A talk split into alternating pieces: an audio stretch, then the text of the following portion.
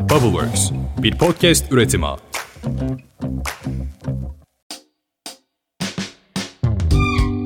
Selamlar, Podcast Boşlara hoş geldiniz. Ben Seha. Ben de Atakan. Bubbleworks Medya'nın orijinal içeriklerinden olan Boş İşleri bu ay Sabancı topluluğu tarafından hayata geçirilen Sabancı Arf Almost Ready to Fly hızlandırma programı desteğiyle yapıyoruz. Yine kulaklarda iz bırakacak bir özel seriyle daha seninleyiz. Bu bölümümüzde de Sabancı Arf'ı hem kurum içi hem de kurum dışı çok değerli girişimlerin gözünden dinleyeceğiz. Yanımızda harika iki isim var. Kidu kurucu ortaklarından Sevim Örs ve Blue It kurucu ortaklarından Hülya Tomak. Sevim, Hülya, Boş İşler'e hoş geldiniz. Nasılsınız? Merhabalar, hoş bulduk. Merhaba, hoş bulduk. Keyifler yerindedir umarım. İyi, heyecanlı. Koşturmacalı. Ben de heyecanlıyım. Atakan sen? Yok ya öyle bir durum. ben buradaki sevgili konuklarımızla böyle aylarca çalışma fırsatı buldum. O yüzden zaten süreçlere oldukça hakim ama şaka bir yana tabii ki geldikleri noktadan dolayı da inanılmaz heyecanlıyım. Kesinlikle ben de. Yani sana nazire yapacağım diye ne. Sanki olayı şey yapıyormuş gibi. Ben de uzaktan takip ettiğim ama gerçekten çok sevdiğim iki girişimci. Ama bu heyecanımı da bastırmak adına topu size atıyorum. Kısaca sizi tanıyabilir miyiz? İsterseniz Sevim önce senle başlayalım. Tabii. Ben Sevim Örs, 36 yaşındayım. Hayatımın ikinci baharındayım. İTÜ Çevre ve Kimya Mühendisliği mezunuyum. Çift Ee, anadal diyorsun. Çift anadal. Allah'ım yarabbim. 11 yıllık satış, pazarlama, pazar geliştirme ve iş geliştirme alanlarında tecrübem var. Sabancı Arf Almost Ready to Fly'a başlamadan önce Korsa'da satış müşteri yöneticisi olarak çalışıyordum. Çiçeğiburnu'nda bir girişimciyim. Kurum içi girişimciyim. Öğrenmeye ve yeni şeyler denemeyi seviyorum. Bence en güçlü kasım bunlar. Sosyal bir insanım ve teyzeyim. Birazdan bu teyzeliğime tekrar geri döneceğim. 10 tane yeğenim var. Konuyu bir yerden buraya bağlayacağım birazdan. Evet sevgili dinleyiciler Sevim'in teyzeliği meşhurdur.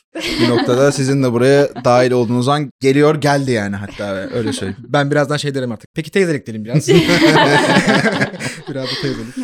Evet Hülya o zaman seni alalım. Merhabalar tekrardan. Ben de Hülya. 26 yaşındayım. Ege Üniversitesi Biyokimya bölümünden mezun oldum. Mezun olduktan bir süre sonra kendi alanımda çalıştım. Fakat üniversite zamanımdan beri bir girişimcilik başlangıcım vardı. Daha sonrasında asıl tutkumun bu tarafta olduğunu fark edip kendi girişimimizden devam etme kararı aldım ve uzun süredir sadece full odak Blue ile ilgileniyorum. Onun haricinde aslında outdoor faaliyetlerini çok seviyorum. Yüzme, bisiklet sürme son zamanlarda yoğunluktan her ne kadar yapamasam da üniversitede amatör olarak dağ bisikleti yarışlarına katılmıştım. Bunların haricinde araştırmaya ve kendi kendime öğrenme deneyimlerini çok seviyorum. 4 yıldır da girişimciyim. Umarım uzun yıllar daha devam edecek diye özetleyebilirim. Dağ bisikletçiliği dedin değil mi? Evet amatör olarak Ama ne yarıştım. zordur o be. Dinlerken yoruldum. Dümdüz de yoruluyorum. Dağda bile neler olur acaba?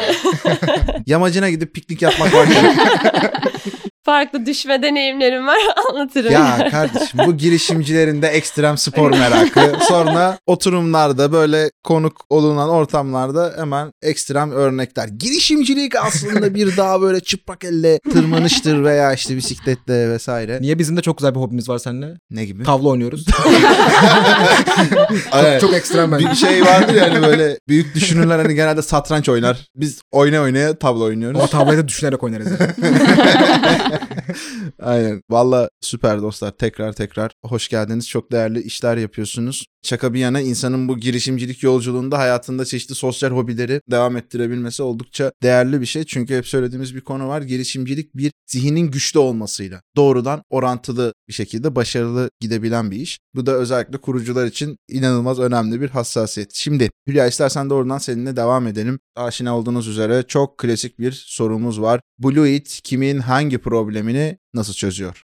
Aslında ben böyle biraz daha genelden başlayayım öyleyse. Su krizi probleminin bir kısmına değiniyoruz. Su krizini biraz açmak gerekirse tabii burada uzun uzadıya su krizi anlatmayacağım ama gün geçtikçe... Anlat, anlat.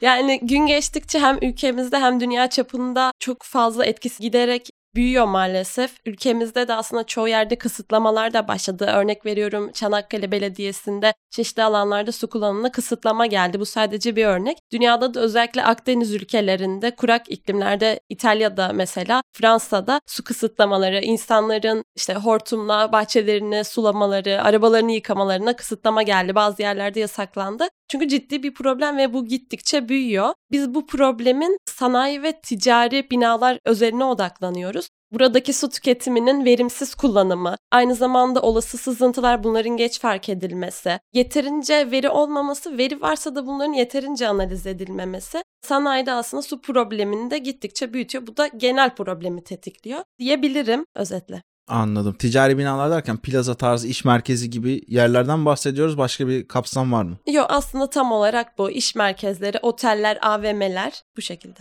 Burada bu arada şöyle bir şey var. Yanılmıyorsam aslında bir pivot yaptınız değil mi? Yani hani 4 yıllık bir süreçten bahsettiniz ya biz seninle çünkü ilk tanıştığımızda işte TÜSİAD bünyesinde yürütülen başka bir programdaydık ve orada daha çok böyle bireylerin su tüketimi üstünden giden bir durum vardı diye anımsıyorum. Doğru mu anımsıyorum? Aynen doğru anımsıyorsunuz. Biz aslında ilk etapta B2C son kullanıcıya hitap ederek başladık. Hani bir farkındalık oluşturursak, su tüketimini yeterince takip edip analiz edersek bireyler su tüketimini azaltır diye. Fakat sonrasında pazar araştırmaları, geri bildirimler, feedbacklerle aslında sanayideki problemin daha derin olduğunu farkına vardık ve odağımızı daha çok su tüketimi olan bir alana çevirdik. Hatta orada yanılmıyorsam bir veri var mıydı? Böyle bir sanayideki boşa harcanan su miktarı şu kadar, bireylerdeki bu kadar gibi bir şey var mıydı? Boşa harcanan değil ama oranları var. Ya tarımda kullanılan su miktarı son zamanlarda veri biraz daha değişti ama %70'e yakın, %60-70 oranında seyrediyor. Sanayideki %20, hanelerdeki de yaklaşık %15 diyebiliriz. Ama bu sayılar özellikle pandemi sonrasında da hanelerde artış gösterdi. Sanayi tarafında artış gösteriyor. Özellikle orada yeraltı suyu kullanımı çok fazla. Kuyu suları çok fazla kullanıldığı için oradaki kaynaklar tükeniyor. Bu şekilde.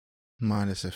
Tamam. Buradaki hem problemlere hem de işin çözüm tarafına daha detaylı geleceğiz. Biraz da Sevim Kidu'ya dönelim diyorum. Kidu Tamam. kimin hangi problemini nasıl çözüyor? Biz aslında büyük şehirlerdeki çocukların ulaşım problemine odaklandık. Özellikle çalışan aileler çocuklarını bir yerden bir yere göndermek isterlerken burada alternatif bulamıyorlar, güvenli bir çözüm bulamıyorlar ve genelde okul sonrası kurslar mesai saatleriyle çakışıyor ve burada böyle bir aile için stres kaynağı oluşuyor. Bunun haricinde hafta sonu ise çocuğunu bir kursa götürüp getirmek yaklaşık İstanbul trafiğinde 5-6 saatine mal oluyor. Biz de tam olarak bu noktadan başladık. Bu problemi nasıl çözeriz diye. Şimdi ebeveynlerle güvenli sürücüleri bir mobil uygulama vasıtasıyla bir araya getiriyoruz ve böylelikle çocuklar için güvenilir, takip edilebilir yeni nesil bir ulaşım hizmeti sunuyoruz. Şimdi teyzeliğime geliyorum burada.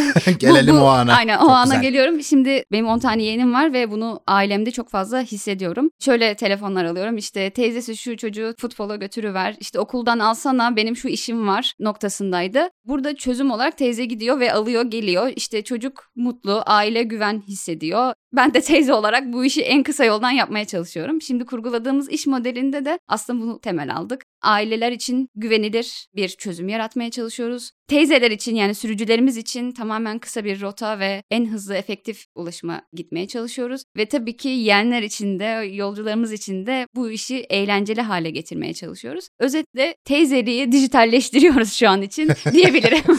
Teyzeliği, anneliği, Anneli, babalığı, aynen. anneanne, babaanne, dede falan Evet. böyle. Problem çok ciddi bir problem. Özellikle İstanbul'da şu an için İstanbul'da hizmet vermeye başladık. Konuştuğumuz her aileden yaklaşık 10 kişiden %8'i 9'u bu problemi yaşıyor. Önümüze öyle case'ler geliyor ki iki çocuk iki kursa gidiyor. Hafta içi hafta sonu biz probleme bakarken üzülüyoruz. Yani eyvah bunu nasıl çözüyorlar diye. Ve alternatif yaratmaya çalışıyoruz ki bu insanlar gerçekten bunu yaşıyorlar şu an ve bir şekilde çözmeye çalışıyorlar. Sizin yanılmıyorsam sürecin böyle ortalarında gibi yaptığınız bir anket vardı. Evet. Oradaki verilerden biraz bahsetsene. Tabii biz Sabancı Arf'ta başladığımızda ilk olarak direkt problemden başladık. Aileye indik. Yaklaşık 500'den fazla aileyle görüştük. %82'si bu problemi yaşadığını belirtti. Çok ciddi bir orandı bu. Ve bu ailelere de şeyi sorduk. Neden bir alternatif bulamıyorsun? Buradaki en temel kaynak ne diye. En çok da %80 oranında zaman kaybı ve güvenlik sorunu olarak söylediler. Biz de tam olarak buraya odaklandık diyebilirim. Anladım süper cidden çok etkili bir veriydi bir de o sırada gelen başka içgörüler olması da iyiydi yani genelde şimdi birazdan sürece daha detaylı gireceğim ama burada o problem görüşmesini yaptığımız yerlerde çözümle ilgili bir şey duymayı çok beklemeyiz pek de istemeyiz Evet. ama burada bu iş artık o kadar kalıplaşmış bir noktaya gelmiş durumda ki ya bir şekilde bu çocukların bir yerden bir yere güvenli taşınması gerekiyor Evet. gibi yorumlar geliyordu. Zaten günün sonunda da o yüzden şu anda da oldukça başarılı giden bir noktaya doğru evrilmiş durumdayız. İşlerle ilgili detaylara gireceğiz. Fakat öncesinde birazcık Sabancı Arf Almost Ready to Fly sürecinden de bahsetmek istiyorum. Ben minik bir girizgah yapayım müsaadenizle. Onun ardından topu sizlere vereyim. Burada biliyorsunuz Bubbleworks Medya'nın da yatırımcısı olan ve büyük ölçekli kurumların kurum içi girişimcilik ve inovasyon süreçlerinde onlara rehberlik yapan Goin de aslında bu sürecin bir partneriydi. Ben de oradaki inovasyon danışmanlığı süreçlerinden dolayı buraya dahil olma şansı buldum ve buradaki bir sürü değerli ekiple tanıştık. Şöyle bir ortam var sevgili dinleyiciler. Normalde bir hızlandırma programı gördüğümüz zaman işte buna başvurular gelir. Onun içerisinde minik böyle destekler vardır.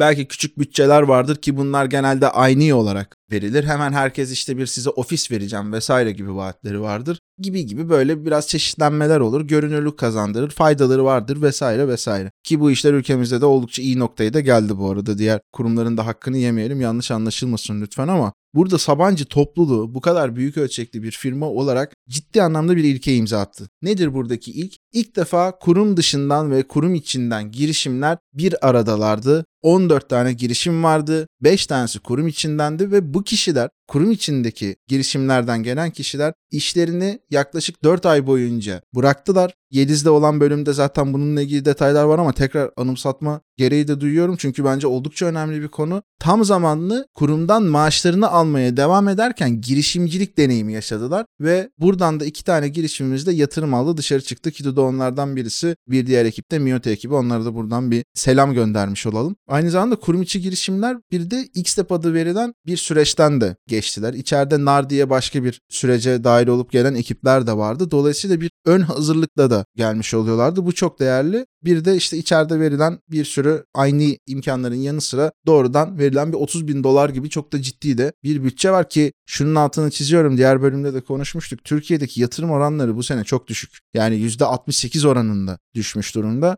Dolayısıyla böyle bir ortamdan çıkıp geldiniz. Buradaki sürecin sonunda da aslında bir yatırım almaya da hak kazandınız. Şu anda da başarıyla yolunuza devam ediyorsunuz. Ben böyle bir genel durumu toparlamak adına şey yaptım ama Sevim istersen yine seninle devam edelim. Çünkü buradaki kurum içi girişimcilik tarafıyla ilgili de biraz senin de yorumlarını almak istiyorum. Burada neler yaşadın bir kısaca onlardan bahsedersen süper olur. Bir de kurumsal hayatta çalışırken kurum içi girişimciliğe adım atma kararını nasıl aldın? Nereden çıktı bu delilik?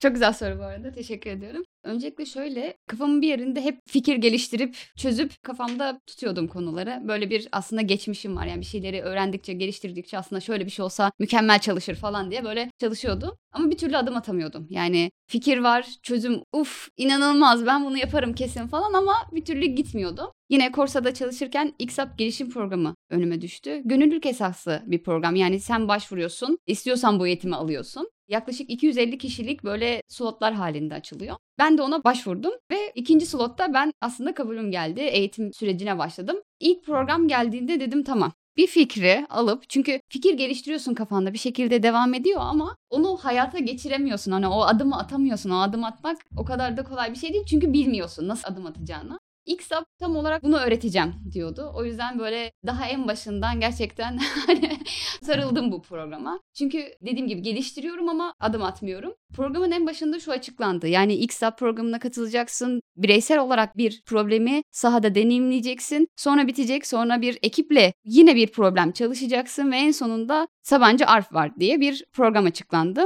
Dedim mükemmel bir program. Evet yani hani deniyorsun, yani teorik bilgi arıyorsun, pratiğini yapıyorsun, tekrar yapıyorsun ve aslında bir kas geliştiriyorsun. Özetle bütün saydığım adımları tek tek geçerek Sabancı Arf'a kabul edildim. Sabancı Arf'ta da şöyle bir şey var. Senin de belirttiğin gibi yine o adımı atacaksın ama bir maaşlı çalışansın. Yani orada o kadar da kolay olmayabiliyor. Yani evet konuyu buldun, işte problemi buldun, çözümü buldun ama yine de ekmeğini nasıl alacağını düşünüyorsun yani öyle Ya bir şeyde. sonuçta ayağını yorganına göre uzatmayı fiilen yaşıyorsun Aynen yani. öyle. Ama ARF gerçekten bu noktada kurum içi girişimciler için bulunmaz nimet diyebilirim. Çünkü gerçekten hem bu problemi çalış, çalışırken hiç onu düşünme. Ayağını hani rahatça bir dışarı at. Bu problem çalışıyor mu? POC'ni bir gerçekleştir. Sahada gerçek anlamda deneyimle. Hem de bunu yaparken bir de bütçen var. Hani ürününü de belirli bir aşamaya getir ve dene ve gör diyebilen gerçekten çok güzel bir programdı. Burada kritik olarak bir şeyden daha bahsetmek isterim. Yani bu kişisel tabii ki bu bütün saydıklarım ama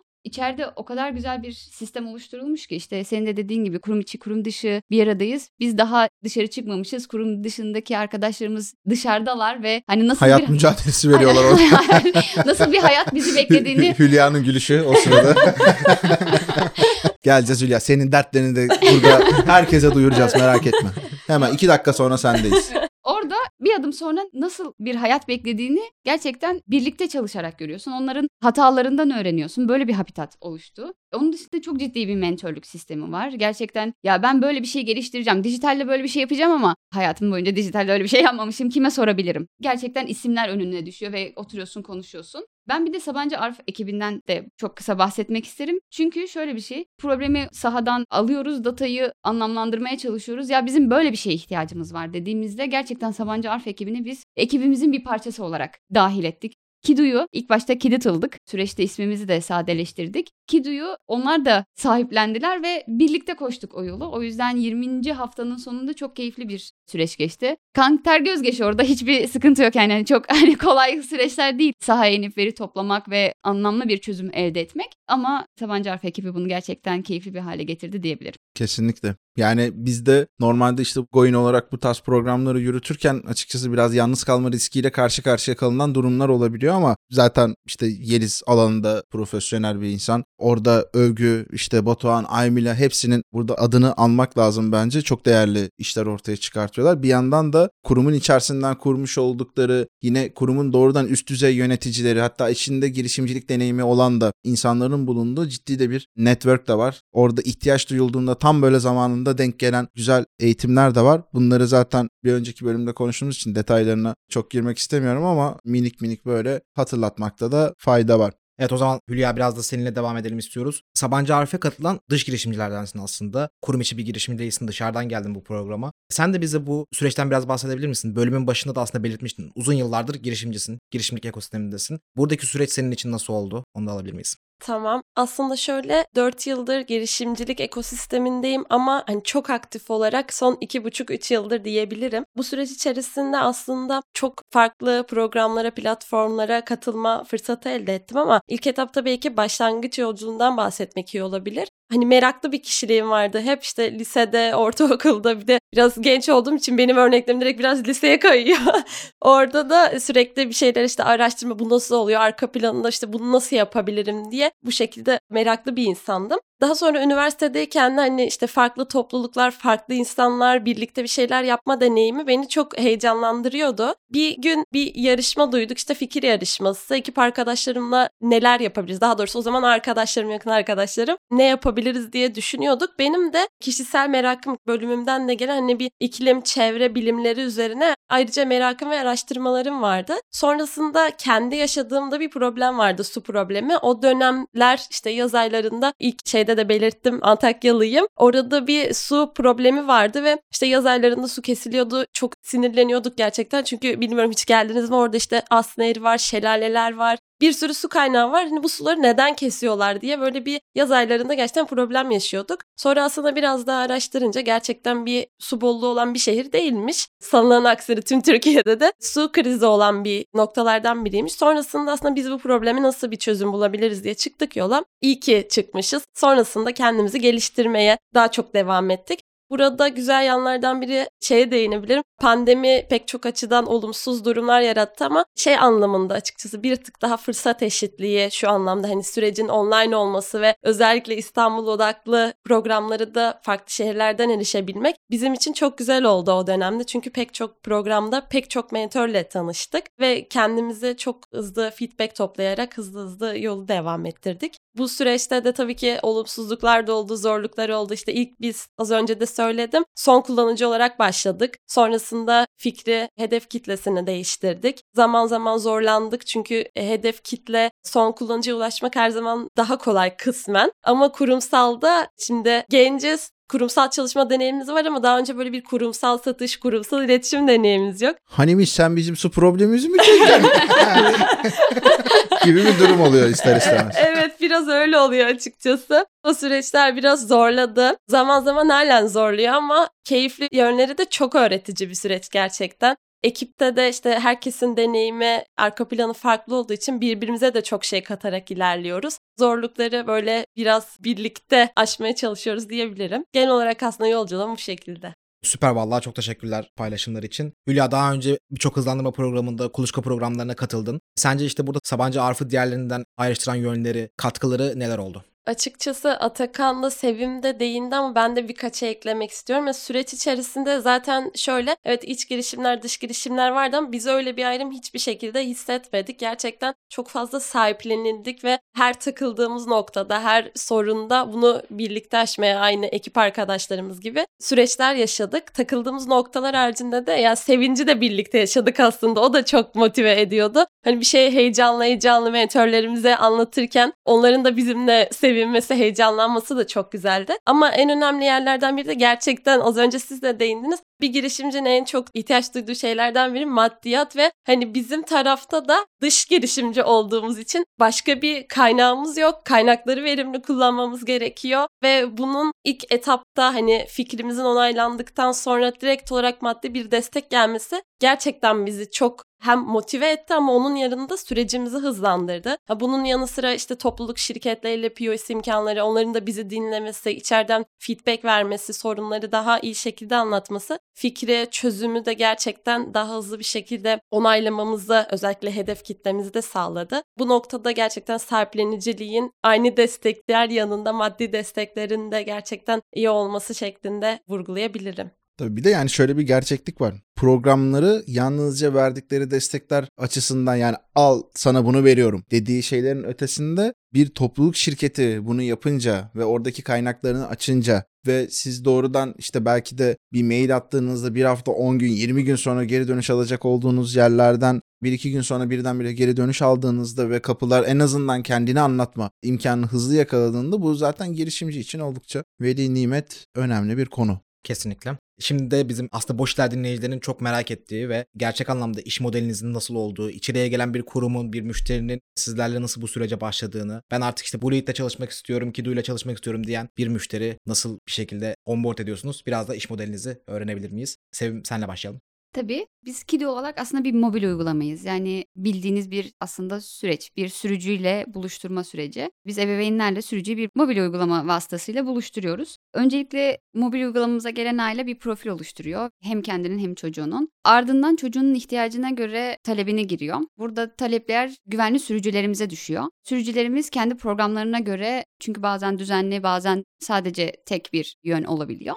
Ona göre bir fiyat belirliyorlar. Aile farklı fiyatlar alıyor buradan. Kendisine en uygununu seçiyor. İşte bazı aileler örneğin araçta televizyon var mı buna bakıyor. Bazı aileler wifi var mı? Çocuğunun yolu uzunsa eğer burada gerçekten onun için eğlenceli bir süreç olabiliyor. Bazı aileler tamamen aracın modeline bakıyor. Farklı bir şekilde fiyat teklifleri geliyor. Aile kendine uygun olanını seçerek aslında rezervasyonunu tamamlamış oluyor. Girişimcilikte tabii şey var. Bugün şu an itibariyle modelimiz böyle. Yani yolda tabii. sürekli her şey değişiyor. Yani şu an için evet bir talep ve rezervasyon sürecimiz var. Ama tabii ki gelen data ile birlikte hem sürücülerimiz için hem aileler için en iyisini yapılmaya çalışıyoruz ve belirli bir süre boyunca bunun bir yerde set edeceğini düşünüyoruz. Yani hani bir noktada bir şeyler değişebilir, bir şeyler evrilebilir. Tamamen sahayı dinleyip e, onların ne istediğini anlayıp hangi problem daha fazla ise oraya yoğunlaşarak aslında iş modelimizi an be an eviriyoruz diyebilirim. Hatta orada sahaya kulak vererek değiştirdiğiniz bir nokta da var. Yani daha doğrusu değiştirme değil de bir yeni bir yaklaşım ve özellik kattığınız paylaşımlı araç sistemine geçişle ilgili evet. çeşitli talepler vardı. İstersen birazcık orayı anlatırsan doğrudan somut örnek almış oluruz. Tabii yani şöyle case'lerimiz var. Aileler mesela çocuklarını işte aynı kursa gönderiyorlar ya da okulun işte kursuna katılmış çocuklar servisi kaçırmışlar. Hafta içi 3-5 çocuk aynı yerde oturuyorlar ama alınması lazım. İşte ebeveynlerden biri kendi arasında organize olmaya çalışıyor o çocukları oradan almak için. Biz açıkçası bunu kurguladık şu an uygulamamızda. Yani bir master ailemiz var. O master aile ailelere çocuklarını nereye götüreceğini bir link atıyor. Onlar birlikte bir yolculuk oluşturuyorlar. Böylelikle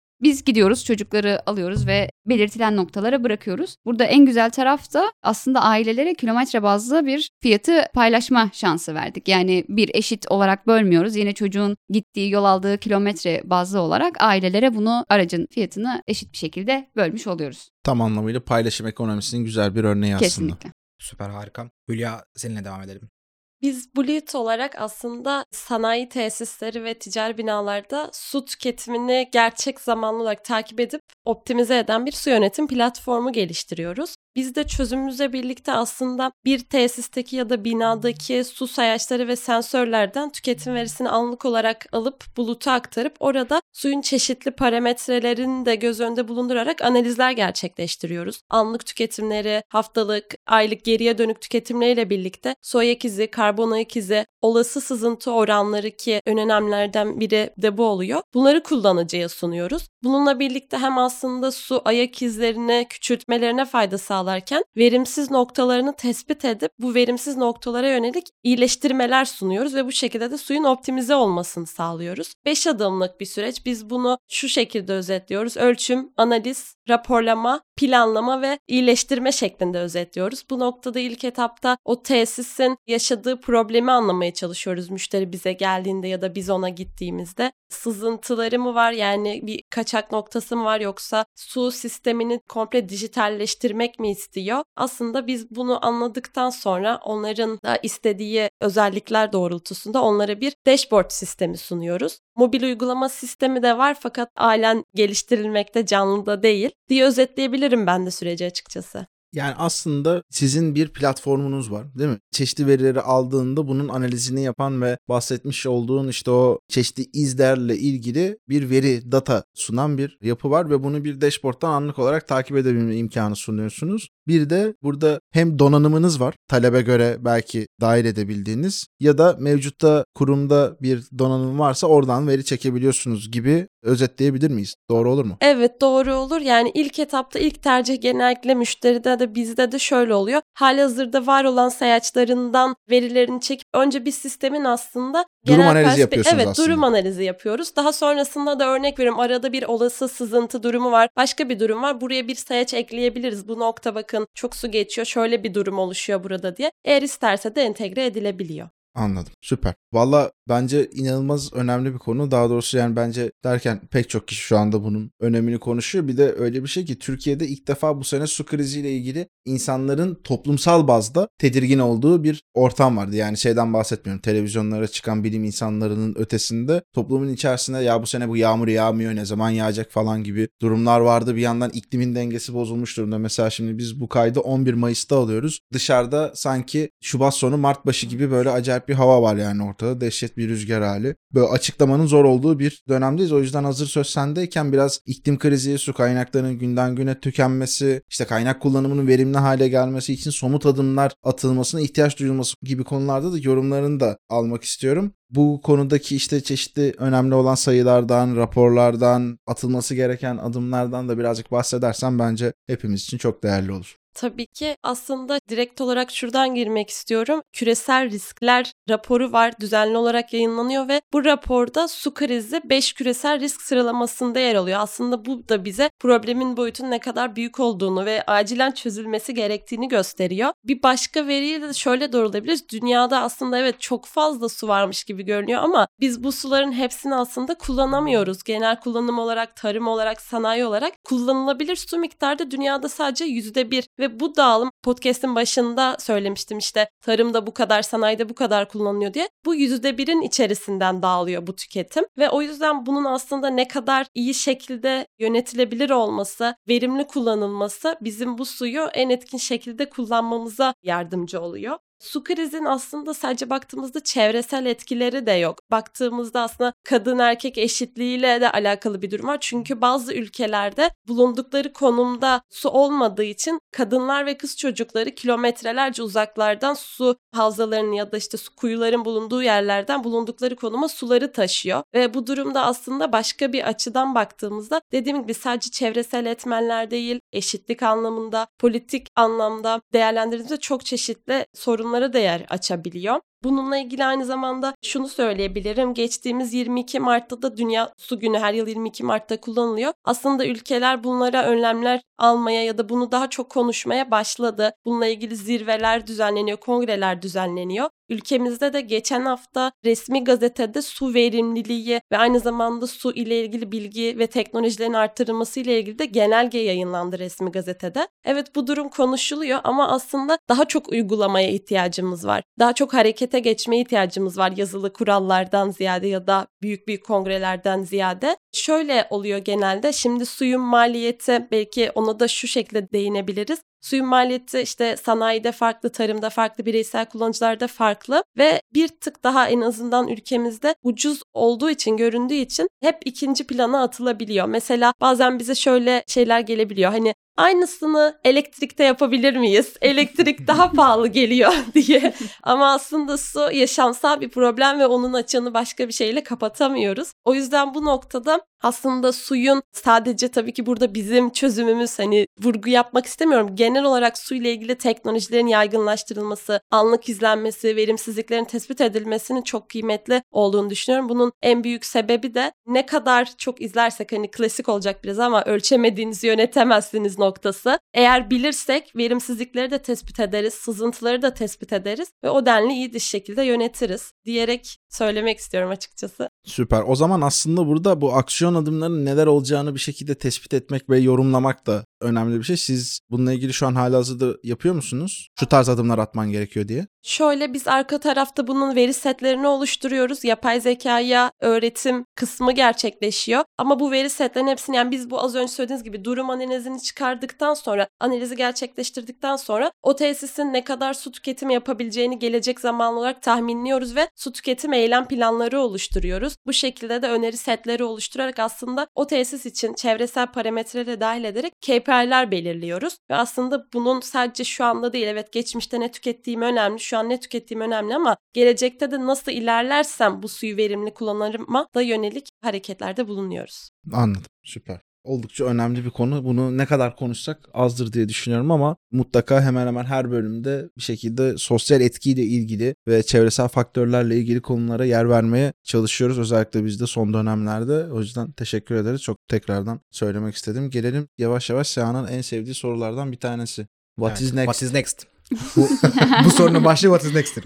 Gerçekten podcast'in bu zamanına kadar şu anda inanılmaz şeylerden bahsettiniz. Hep aslında kendi süreçlerinizde yolda öğrendiğimizi, birçok böyle farklı kezde karşılaştığımızdan bahsettiniz ama biraz da böyle girişimci de geleceği görür ve aslında kendi işleriyle alakalı da yorumlar yapabilir. Bundan sonraki süreçte girişimlerinizi neler bekliyor? Hedefleriniz neler? Kısaca bunları da alabilirsek seviniriz. Sevim sana attım topu. Teşekkürler. Ya şöyle şimdi biz tabii ki kurum içi olduğumuz için şu an yeni şirketleştik diyebilirim. O yüzden ilk etapta bizim bir sürecimizi sahada oturtmamız gerekiyor. Böyle bir şeyimiz var. Onun haricinde şimdi biz tabii ki 7-18 yaş arasındaki çocuklara hizmet ediyoruz. Ama şöyle talepler alıyoruz. 3 yaşında bir çocuğu var ve anaokuluna götürüp getirirken işte bazı günler götürüp getirirken problem yaşıyor vesaire. Ama bir onu yanına bir refakatçi gerekiyor. Mesela şu an için ilk olarak bu problemi bir ele alacağız. Yani bunu gerçekten böyle bir ihtiyaç var mı? Yani gerçekten çoğunluğun böyle bir ihtiyacı var mı? Varsa nasıl çözeriz? Mesela bu önümüzdeki konulardan bir tanesi. Şu an bir diğer durum da İstanbul'da konumlandık. İlk orada çıktık ama tabii ki Ankara ve İzmir'de de yine bu problemin çokça olduğunu duyuyoruz. Türkiye'de bu iki ile de hızlıca aslında ulaşmak istiyoruz. Oradaki problemin de çözümünün bir parçası olmak istiyoruz açıkçası. Ama bunun dışında problem global. Yani 35'ten farklı ülkeyi inceledik farklı coğrafyalarda bile bunun bir problem olduğunu gördük. O yüzden farklı yurt dışı açılımlarını burada yine kurguluyor olacağız. Farklı şehirlerde yine burada başladığımız gibi sıfırdan sadece problemi tanımlayarak nasıl çözeceğimizi, farklı şehirlere nasıl çözümler götüreceğimizi açıkçası belirleyeceğiz. Belirttiğim gibi 35'ten farklı ülke inceledik. Bunlara da şöyle baktık. İşte 7-18 yaş arasında kaç çocuk var? Bu problemi aileler yaşıyor mu? Ülkede güvenlik problemi var mı? Yani bu da bir kritik konu. Tabii kalkıp Hindistan'da bunu yapmaya çalıştığınız zaman biraz olayın rengi değişir evet ya mesela aynen. aynen. Hırsızlık yapan maymunların olduğu bir yerde Ya biz bu çocuğu ganca götüreceğiz ama Aynen yani. su da kirli. güzel bir işbirliği gelir mi? Vallahi iyi bir işbirliği gelir bence Öyle, aynen, Katılıyorum aynen, yani. aynen öyle. Onun için mesela Amerika'da da bu problem. İşte Singapur'da da bir problem. İşte Suudi Arabistan'da da bir problem. Hani bunu sahada gözlemlemek gerçekten çok kritikti. Onun haricinde bu noktada Türkiye için işte regülatif çerçevede bir çözüm geliştirdik. Bu çözüm birebir bir şekilde işte Suudi Arabistan'a, Londra'ya, Amerika, New York'a uymayacağının farkındayız. O yüzden gideceğimiz yere yine startup mantığında, yine girişimci mantığında o güçlü kaslarımızla gideceğiz. Yani problem bu. Sahaya ineceğiz. Nasıl çözüyorlar şu an, ne yapıyorlar? Problemi anlayacağız. Yine dinleyeceğiz sahayı ve yine kurgu geliştirip bir iş modeli geliştirip çalıştırıp data toplayıp onun herkes için en iyi ideal senaryoya ulaşmasını sağlayacağız. Yani Kidu yoluna gerçekten çocukların özellikle büyük şehirlerdeki mobilite problemini çözmek için var olacak. Bu çerçevede problemimize her gittiğimiz yerde bakıyor olacağız. Evet Kidu'yu takip edelim. İlerleyen zamanda uluslararası mobilite fuarlarında, etkinliklerinde yer yer konuşmacı, yer yer katılımcı olarak görürüz diye düşünüyorum. Bir yandan da Sevim bunları söylerken şu beni çok mutlu ediyor. Yani gerçekten bir kurumsal bakış açısından girişimci bakış açısına doğru dönmek çok zor bir şey. Mesela Hülya'nın durumu, bizim durumumuz görece daha şanslıyız yani. Biz de üniversite yıllarında başladık Seha ile birlikte ve aileden de gelen durumlarımız da vardı bu arada. Yani onlar da hep ticaretle uğraşan insanlardı. Biz daha bunu yeni nesle doğru uyarladık vesaire. Ama kurumsal bakış açısından bu kadar saha ve problem odaklı yere doğru gelmek çok güzel bir şey. Hatta yine bizim Goin'de hep söylediğimiz şey böyle fikre değil. Probleme aşık oluyoruz. Fikre değil. Probleme aşık oluyoruz. değil. Probleme aşık oluyoruz. diye bir şey yapası geldi ve çok da güzel oldu ya. Sonra vallahi çok iyi oldu. Süper tamam. Ya geçen gün bir fikre aşık oldum. Dedim yapmamalıyım. Fikre aşık olmamalısın.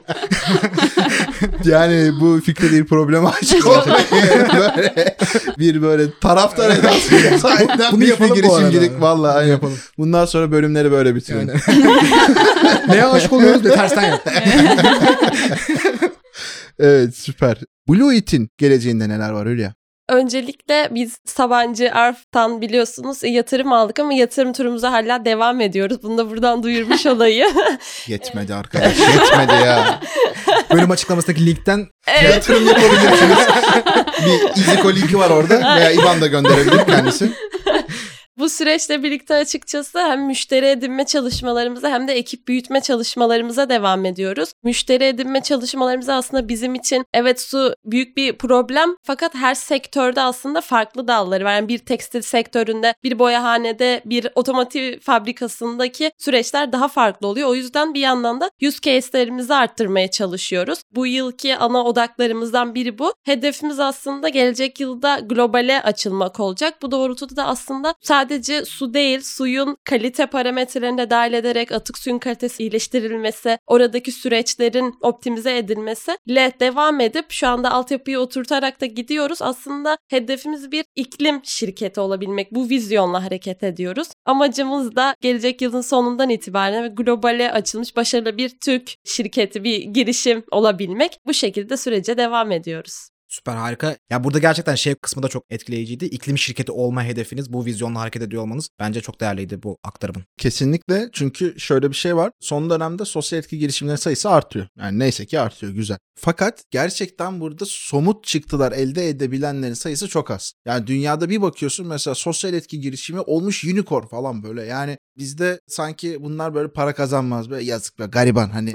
şey yapmayacakmış gibi bir durumlar var. Halbuki diğer pek çok bölümümüzde de bunu konuştuk ama sosyal etki girişimleri de para kazanırlar, kar elde ederler ve gerçek anlamda somut çıktılar ortaya koyarlar. Sosyal sorumluluk projesi değildir bu iş. Dolayısıyla biraz önce bahsettiğin gibi bir vizyona ulaşmak bence inanılmaz derecede değerli bir şey. O yüzden senin de tüm ekibinde emeklerine sağlık diyorum. İnşallah biraz önce Kido için de söylediğimiz gibi siz de böyle uluslararası arenada dünyanın böyle su krizine çözüm bulan ve buradaki önemli aktörlerden birisi olarak da sizleri görüyor olacağız diye Teşekkür umuyorum. ederiz. Çok çok teşekkür ediyoruz. Harika aktarımlardı gerçekten. Şimdi de Podcast Poşitler'in klasik son iki sorusundan birine geçiş yapıyorum. Burada aslında bizi dinleyen birçok girişimci, birçok yatırımcı var ve gerçekten sizin gibi değerli girişimcilerden öneriler istiyoruz. Burada illa girişimcilikle ilgili olmasına gerek yok. Hayatınıza değer katan bir şey de olabilir. Bir hobi, metodoloji, kitap önerisi, podcast önerisi olabilir, film önerisi olabilir, dizi önerisi olabilir. Sizi değiştiren bir öneri alabilirsek çok sevinirim. Hülya senle başlayalım. Tamamdır. O zaman madde madde gideyim. Açıkçası hobi olarak yüzmeyi kesinlikle öneririm. Bisikleti de öneririm tabii ki Dağda ama... yüzme. Ha,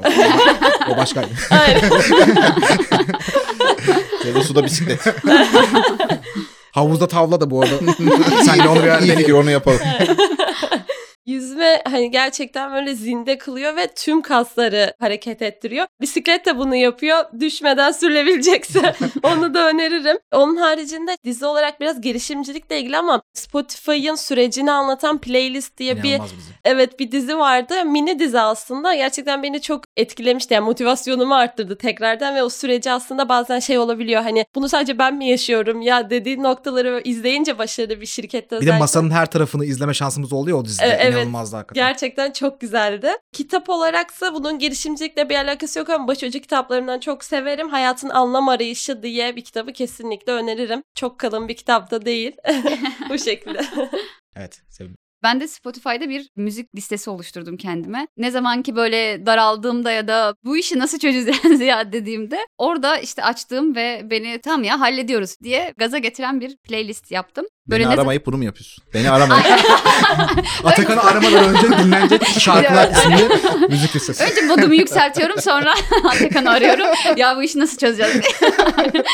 Bu kendime böyle mihenk taşı gibi bir oldu. Böyle hani tamam şu an buradasın hadi şunu bir dinle noktasında. O yüzden yine Şebnem Ferah'tan Okyanus şarkısını Of, hani evet. önerebilirim. Onun dışında az önce belirttiğim gibi ben birazcık daha hani kurum içi girişimciler tarafında aslında bir şey söylemek isterim. Çünkü orada kalıplaşmış düşünce tarzlarımız belli bir yıl sonra oturuyor ve kalıyor. Elik Rice'ın Yılın Startup kitabını önerebilirim. Orada çünkü ölç, kur, değerlendir noktası girişimci olmalarına gerek yok ama yine de gerçekten inovatif düşünmeyi ve hızlı hareket etmeyi ve sonuç elde etmeyi noktasında çok hızlı aksiyon almak için gerçekten güzel bir kurgu. Çok temelden anlatıyor ve düşünce tarzını değiştiren bir şey. Onu tercih edebilirim. Bir de küçük bir şey. Ben kurum içi taraftan geldiğim için yine oradaki arkadaşlara seslenmek isterim. Hayal edin. Gerçekten çünkü belli bir düzene giriyoruz ve 8-5'e gerçekten hayatımızı sığdırmaya çalışıyoruz. Bu kalıbın içerisinden çıkmak için hayal kurmak ve bir probleme aşık olmak, bir konuya evet ben bu dünyadaki bu problemi ele alıyorum diyebilmek için ilk adım sanıyorum hayal kurmak. O yüzden lütfen hayal kurun diyorum.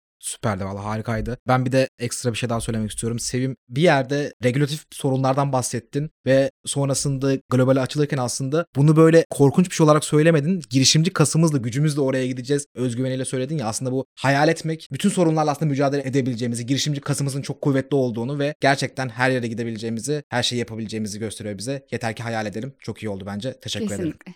Evet. Geldik mi oraya? Geldim. Evet bölümün son anları. Biz de aslında bir hayalle başlamıştık bu işlere. Girişimcilik boş iştir diyenlere bu işin aslında arka planında ne kadar dolu bir dünya olduğunu acaba anlatabilir miyiz demiştik. Hatta bize demişlerdi ki ya boş iş ismiyle kurumları yan yana getiremezsiniz. Şu anda çektiğimiz bölüme bak. Demek ki önemli olan neymiş? Gerçek anlamda bir değer önerisini o kurumlarla buluşturup buluşturamamakmış ki sizin bugün de anlatmış olduğunuz gibi. Gerçek problemlere odaklanıp odaklanmamakmış. Bunların hepsini sizin gibi değerli konuklarımız sayesinde her bölümde tekrar tekrar tekrar duyuyoruz ve dinletmenin de haklı mutluluğunu yaşıyoruz. Dolayısıyla konuk olduğunuz için sizlere çok ama çok teşekkür ediyoruz sevgili dostlar ve bildiğiniz gibi bölümü bitirirken de diyoruz ki biz bu işe girişimcilik boş iştir diyerek başladık. Siz burada girişimcilik nokta noktadır diye önünüze gelse ve bunu doldursanız ne dersiniz? Fikre aşık olmaktır gibi bir şey gelirse valla kalp krizi geçiririm. Ben açıkçası mücadele ve inanç demek istiyorum. Dün bununla ilgili böyle güzel bir söz okudum Michael Jordan'ın. Çabaladıkça başarısız oldum, başarısız oldukça çabaladım. Başarımın sırrı işte budur diye. Ve açıkçası beni çok motive etti. Yani burada mücadele etmeliyiz. Zaman zaman başarısız olacağız ama bu başarısızlıklar da bizi aslında yıldırmamalı. O inançla, öz motivasyonla tekrar yükselip daha çok çabalayıp daha çok başarısız olmamız gerekiyor diye özetleyebilirim. Bunu da böyle her yerde duyamazsınız. Daha çok başarısız olmamız gerekiyor diye bir şey. Altında yatan derin anlamı düşünün diye de bırakmak istiyorum aslında burada. Çok çok değerli bir şey yani. Girişimcinin özünde olan bir şey. O başarısızlığa ulaşma, yakalama ve hani sonra da şeyde deniliyor bazen ya başarısızlık da bu kadar övülmez. Başarıya götürüyorsa övülür. Buradan yeterli dersleri çıkartıp çıkartamama kabiliyetidir. Bence o yüzden çok önemli iyi bir noktaya dokundun Hülya yine. Teşekkür ederiz. Ağzınıza sağlık. Çok teşekkür ederiz konuk olduğunuz için de. Bölümün sonuna geldik. Son olarak bir eklemek istediğiniz bir şey var mıdır? Nasıl yardımcı olabiliriz size gibi?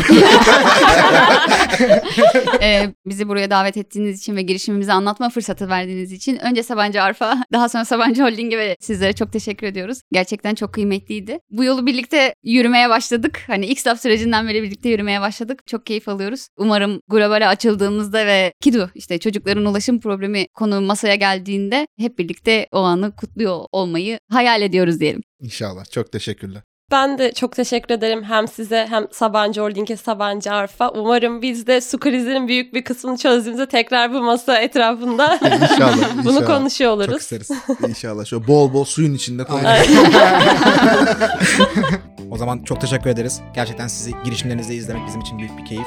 Boş işleri bu ay Sabancı topluluğu tarafından hayata geçirilen Sabancı Arf Almost Ready to Fly hızlandırma programı desteğiyle yapıyoruz. Bu bölümümüzün de sonuna geldik. Serinin önümüzdeki bölümlerinde görüşmek üzere. Kendinize çok iyi bakın. Bay bay. Görüşmek üzere. Hoşçakalın. Görüşürüz.